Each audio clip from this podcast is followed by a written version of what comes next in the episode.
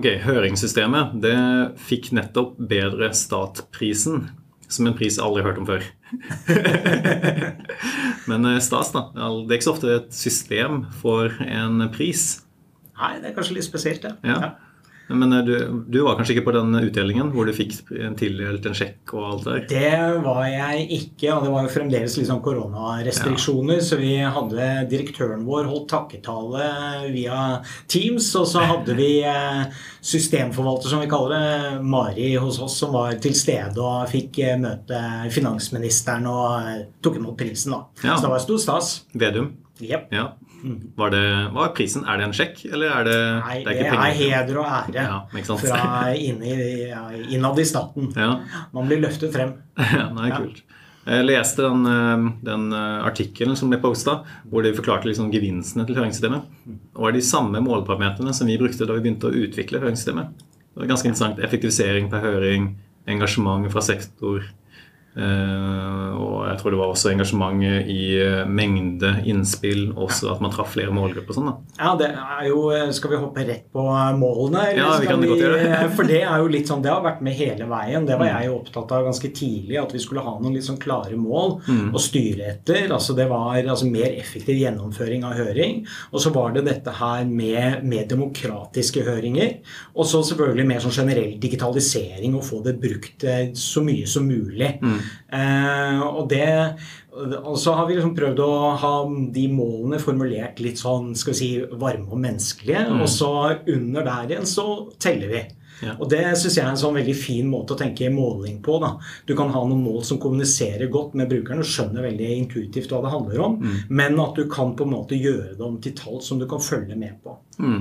Og dette var jo tilbake i 2013-2014, mm. før vi egentlig hadde hørt om OKR-er. Ja. Så det er egentlig akkurat OKR metodikken praksisert. Har de økt demokratisering av uh, høringer, økt effektivisering, økt uh, var det engasjement, tror jeg det var. et eller annet sånt. Ja, ja og, og, så tenker jeg at det som var litt viktig med de målsetningene, det var jo også at uh, hvis vi bare ønsket å effektivisere, Eh, og det er, jo liksom, det er jo bakgrunnen, dette Høringer handler jo nettopp om å få belyst en problemstilling. Eh, det er jo sånn følger av utredningsinstruksen. Det er sånn som vi i staten er eh, mm. opptatt av. men det, sånn, det, handler jo om å få belyst en problemstilling. og da, det er klart at det å bare gjøre det effektivt, det vil jo kanskje være å kjøre så korte frister som mulig og ikke nå så veldig mange. Da fikk du få innspill, og så var du ferdig med det. Mm. Men det er jo ikke målet. Målet er jo faktisk å engasjere så mange som mulig og mm. få belyst det fra flere vinkler.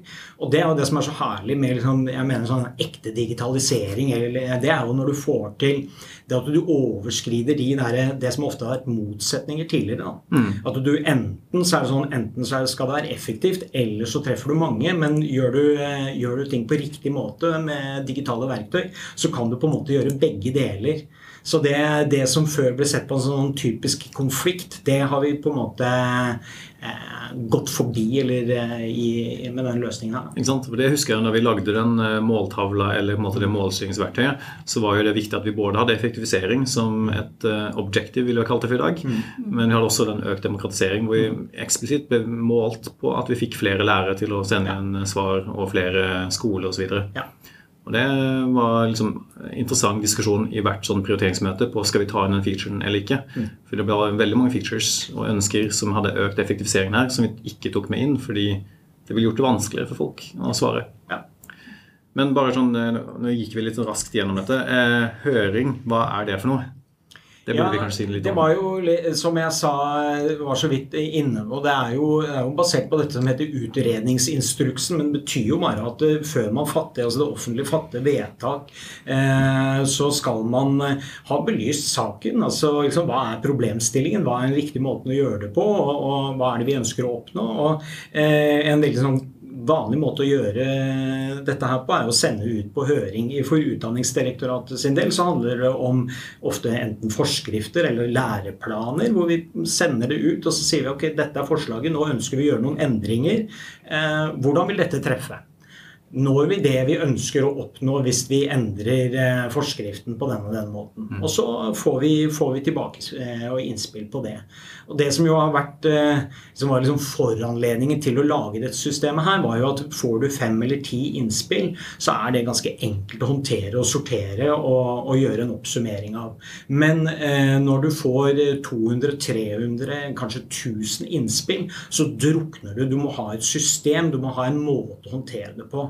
Og det var jo der egentlig litt av initiativet kom, da, fra våre saksbehandlere. Mm. De satt i en uke med Excel-ark og gule lapper og prøvde å lage et system. Og så, eh, og så de sa det må gå an å gjøre dette på en annen måte, en enklere måte. Så det mm. var, det var liksom utgangspunktet for eh, å lage dette, begynne å bygge dette systemet. Ja. Jeg husker da vi fikk den eh, briefen på en måte i 2013 og satt der med de første saksbehandlerne og sa at eh, de hadde gjennomgått én høring hvor de hadde fått 200 svar, tror jeg. Mm. Og det var helt håpløst å jobbe med, fordi alle svarene kom inn på mail, noen kom inn på, på Word-dokumenter vedlagt i mailen, noen kom inn som brev til meg. Og de satt jo akkurat denne uka der, og de trengte et verktøy for å egentlig effektivisere. Men for å kunne få til den effektiviseringen, så måtte vi jo få inn hørings, høringssvarene på en strukturert måte. Og dermed så begynte vi jo egentlig i andre enden. Og vi begynte med å finne en måte å publisere et høringsdokument på en nettside med mulighet for å svare på konkrete høringsspørsmål på en strukturert måte, slik at de der ute slapp å svare 'jeg er enig', og heller kunne trykke på knappen 'enig'. på en måte, mm. Og dermed kunne få de der metaanalysene. Så det var en ganske interessant fremgangsmåte hvor vi eh, første eh, måte, holdt på å si MVP da, var egentlig publisering av et høringsforslag.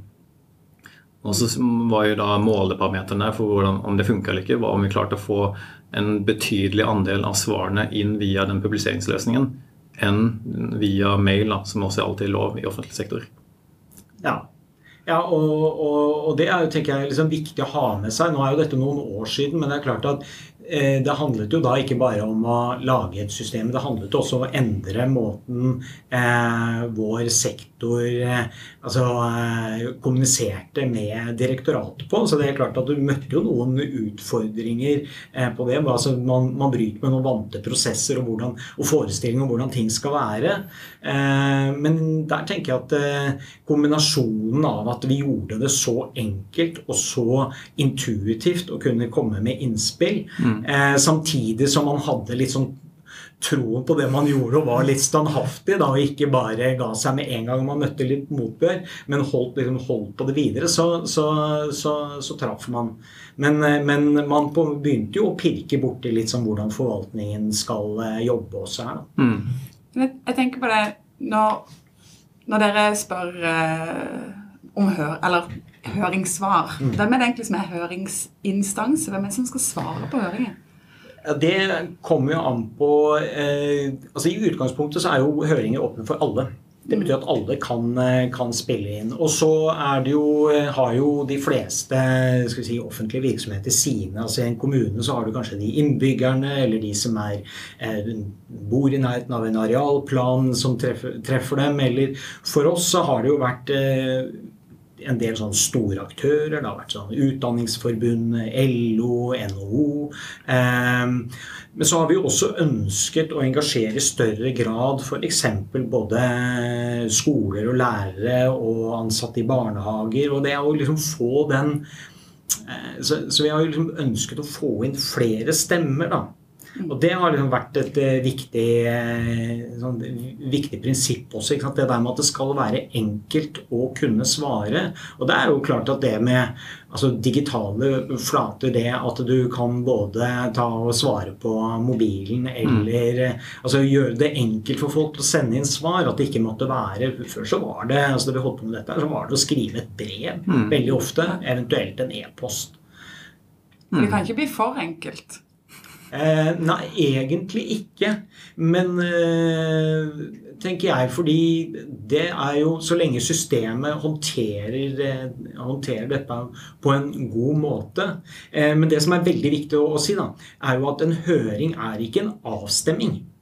Sånn at det at du får liksom 1000 stykker til å svare liksom nei, dette liker vi ikke Det er ikke sikkert at det, hvis, ikke de, hvis de bare gir den samme eh, grunnen eller samme eh, argumentene, så er det ett argument. Mm. Men hvis det er et annet argument som kommer fra noen få, kanskje viktigere aktører, eh, som er på en måte mer tungtveiende, så er det det som vinner. Så det er ikke en avstemningskonkurranse. det Er, en høring er ikke en demokratisk eh, Det er ikke noe valg. Det er ikke sånn hvem som får mest prosent. Men du kan, det handler om å belyse en problemstilling på ulike måter. Og da er, det liksom, da er det det høringssystemet gir oss en mulighet til å begynne å drille ned i mm.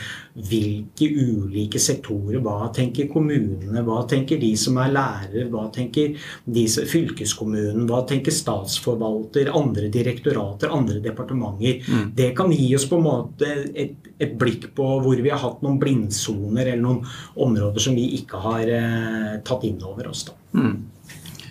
Så hele målet var egentlig å oppnå akkurat der, det som du beskrev sist. Da, at man som saksbehandler kan trykke på noen knapper og så kan se hva kommunen mener versus hva skolene mener. Eksempel, ja.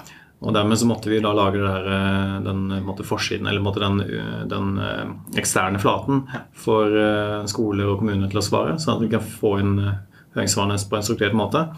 Og Da husker jeg i hvert fall at siden vi begynte i andre enden, og siden høring, høringer som regel har en tre måneders frist, så lanserte vi egentlig høringssystemet halvferdig med muligheten for svaret. Og så kom det egentlig inn til et stort hull. Vi hadde lagra det i en database, veldig, men det var ingen som kunne se det på innsiden. Du kunne eksportere det, selvfølgelig, men ingen som kunne se det. Og så mens høringsfristen måtte, fortsatt var aktiv, så drev vi og utvikla rapporteringsfunksjonaliteten og behandlingsfunksjonaliteten, sånn at det var klart akkurat når høringsfristen ble ferdig. Jeg tenker eh, Mye av det som ble gjort der i starten, er egentlig sånn, når man ser tilbake på det nå, så er det kanskje sånn altså det er mer, Man er mer vant til å tenke på den måten å jobbe med utvikling på, men jeg tenker at da var det litt radikalt. Mm. Det var vel kanskje også det første vi bygget i, i Asher fra, ja. fra bunnen av. Som var det første systemet som ble laget. Det er også litt sånn som man eh, Det var liksom Man tok noen grep da, og, og, og, var egentlig litt sånn eh, jeg vil si modig da, i måten mm. man tilnærmet seg problemet på. Så det var veldig morsomt og veldig lærerikt. Ja.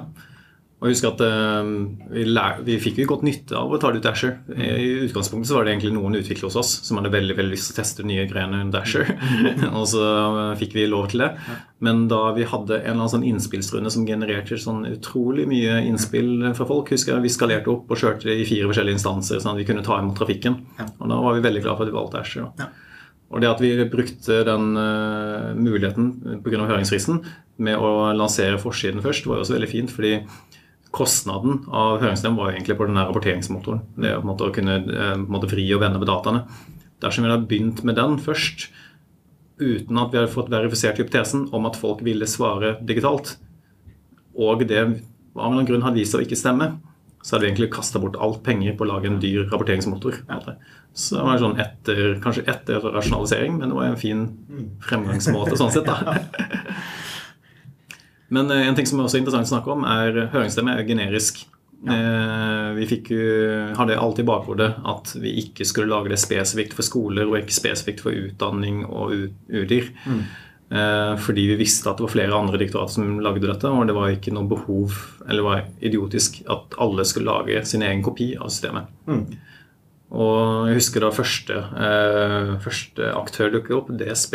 Mm. Husker ikke helt hvordan det dukket opp. Men da jo, det, det, ja. det, var egentlig ganske morsomt, fordi at de hadde, de hadde egentlig litt det samme behovet som Utdanningsdirektoratet. Altså DSB, Direktoratet for samfunnssikkerhet og beredskap. De, de, hadde, de syntes det var tungvint å jobbe med høringer.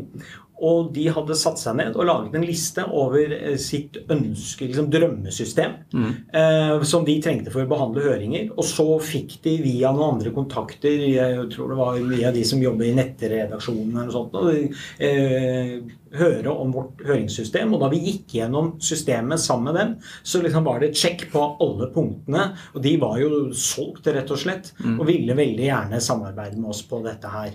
Men, men de hadde jo ikke noe Og tanken var jo veldig god, men vi hadde jo ikke egentlig noe sånn Eh, apparat eller noen måte å liksom dele et system på. altså Utdanningsdirektoratet er ikke laget for å levere fellestjenester på noen slags måte.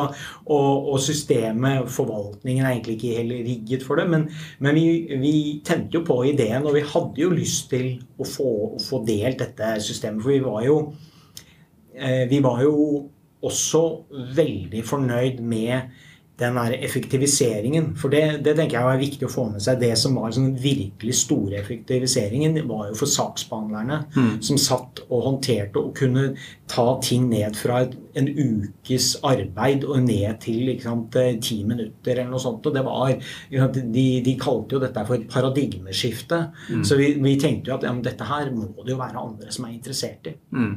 Og jeg husker da, den, da det først dukket opp, vi hadde veldig lyst til å få det til. Vi visste ikke helt hvordan vi skulle få det til. Og da diskuterte vi flere alternativer. Da. Det enkleste alternativet, som nok hadde vært det mest defensive, hadde vært å bare gi det kodebasen og si vær så god, sette opp selv. Og det var egentlig det alle prosesser og all måte, styring var lagt opp til. At man bare skulle gi dem et system. Men uh, på det tidspunktet der så hadde det gått et par år. Jeg tror vi var ute i sånn 2016 eller noe sånt. Og gjennom de årene så hadde vi hatt ganske mange diskusjoner underveis på hva som bør være i systemet og ikke bør være i systemet. Hva som er på en måte riktig satsing og hva som er riktig visjon for det. Og vi visste jo egentlig at hvis vi hadde gitt de kodebasen, så hadde det første ikke klart å sette opp selv. For det andre så hadde det systemet utviklet seg til å bli noe helt annet etter hvert. Pga. alle de små valgene man tar underveis. Mm. Som gjør at ikke vi får noen verdi ut av det. Nei. Så vi prøvde jo da å finne ut en god måte for å dele et system på tvers av to direktorater som ganger begge. Ja.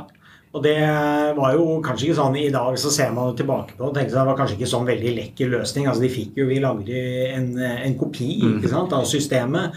Og, og, men eh, det var jo det var jo ikke en bærekraftig måte å dele på sikt, på sikt. da, men, men, det var jo eh, Det fikk dem i hvert fall opp og gå ganske kjapt. da. Mm. Så, eh, men vi, vi lekte Vi visste jo hele tiden at det, det var liksom det å, å, å gjøre det til et ekte delt system da. Det var det vi måtte gjøre. Så det, da vi fikk litt mulighet og litt eh, midler, og vi hadde behov for å gå gjennom koden, så var det en sånn gyllen anledning til å skrive om systemet. Mm. Det, og, og, kunne dele det på eh, ja. Som en multitenant? Ja. ja. Virkelig. Jeg husker um, en sånn liten fun fact-digresjon var at da vi begynte å finne, prøvde å liksom utforske forskjellige måter å dele systemet på, så var vi et lite øyeblikk innom en tanke om å definere det som et kunstverk, fordi da omgår man diverse prosesser i deling. Eh, men ingen klarte med rak rygg å forsvare det, tror jeg.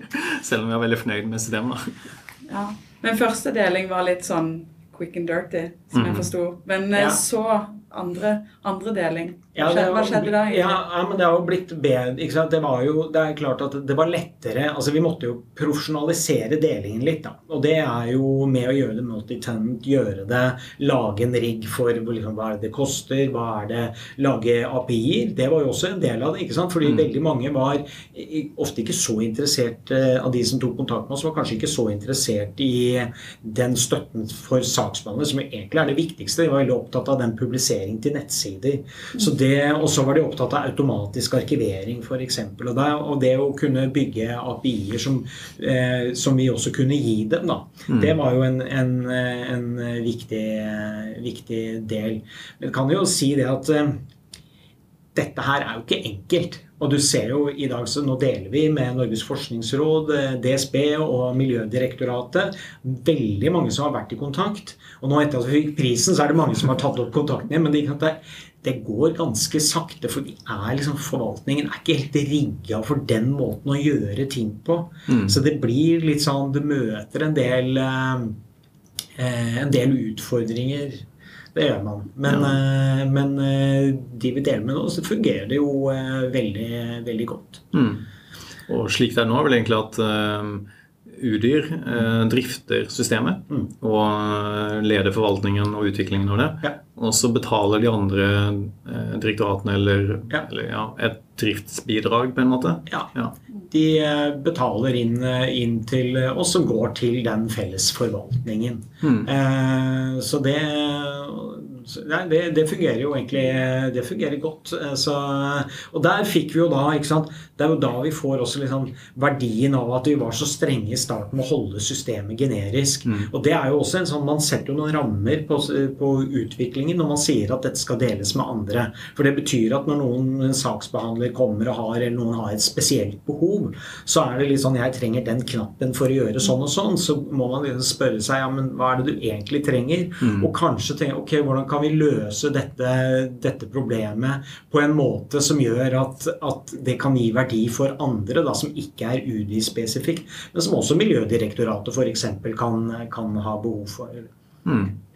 Ja, Nå sitter jo egentlig sluttbrukeren eller saksbehandleren ganske spredt her. Eh, med sine egne på en måte rigger for både å gi, gi tilbakemelding og hvem er det som har ansvar og sånn. Er det, er det vanskelig, eller eh, liksom, Man ønsker jo egentlig å ha liksom, Man drømmer jo om å ha massevis av engasjerte brukere som gir liksom pøser på med tilbakemelding. og sånt, men, men, sannheten er jo at de, de, fleste, hvis de har et system som fungerer godt, så er de mest opptatt av å bare gjøre jobben sin, og kanskje ikke så interessert i å komme med alle de tilbakemeldingene som vi skulle ønske at de kunne få. Mm. Mm. Jeg tenkte bare liksom oppsummere med tanke på høringsstemmen. Det høres litt sånn kjedelig ut, holdt på å si. Hvis for en person som aldri jobba med høring og den type ting før. Men vi var veldig tidlig ute med å ta i bruk eh, skyen eh, og public cloud. For eh, ting som er i offentlig sektor, så var det ganske sånn unormalt på den tiden. Vi var veldig tidlig ute med målstyring. Alt var jo opp mot de der målbare parameterne våre i gevinstrealiseringsmodellen, som. Var vi også veldig tidlig ute med å tenke at ting skal lanseres gradvis. Vi bygde produktet veldig sånn inkrementelt og tok det i bruk eh, mens det ikke var ferdig. Eh, vi hadde en arbeidsgruppe som besto av førstelinjebrukere, som superbrukere som saksmannen, som var med og bestemte uke for uke hva vi skulle gjøre og ikke gjøre. Det at vi helt tatt fikk til å dele et system med andre direktorater på vegne av et direktorat. Det er jo helt sjukt. Eh, at man, Det er egentlig en måte, innovasjon på en helt annen skala. Så man sier at det er, eh, var ikke lett å få til. Jeg tror ikke vi hadde fått til hvis ikke vi hadde hatt eh, en god produktleder eller en produkteier da, i alt dette. Det å ha en visjonær produktvisjon er, er, nok det viktigste her. Mm. Det var et kult case. Håper vi får flere sånne caser. Drypp er en lavterskelpodkast fra Beck, hvor vi diskuterer diverse temaer som interesserer oss. Og Hvis du har et tema som du har lyst til at vi skal snakke om, eller du vil være med på en innspilling, ta kontakt på drypp.beck.no.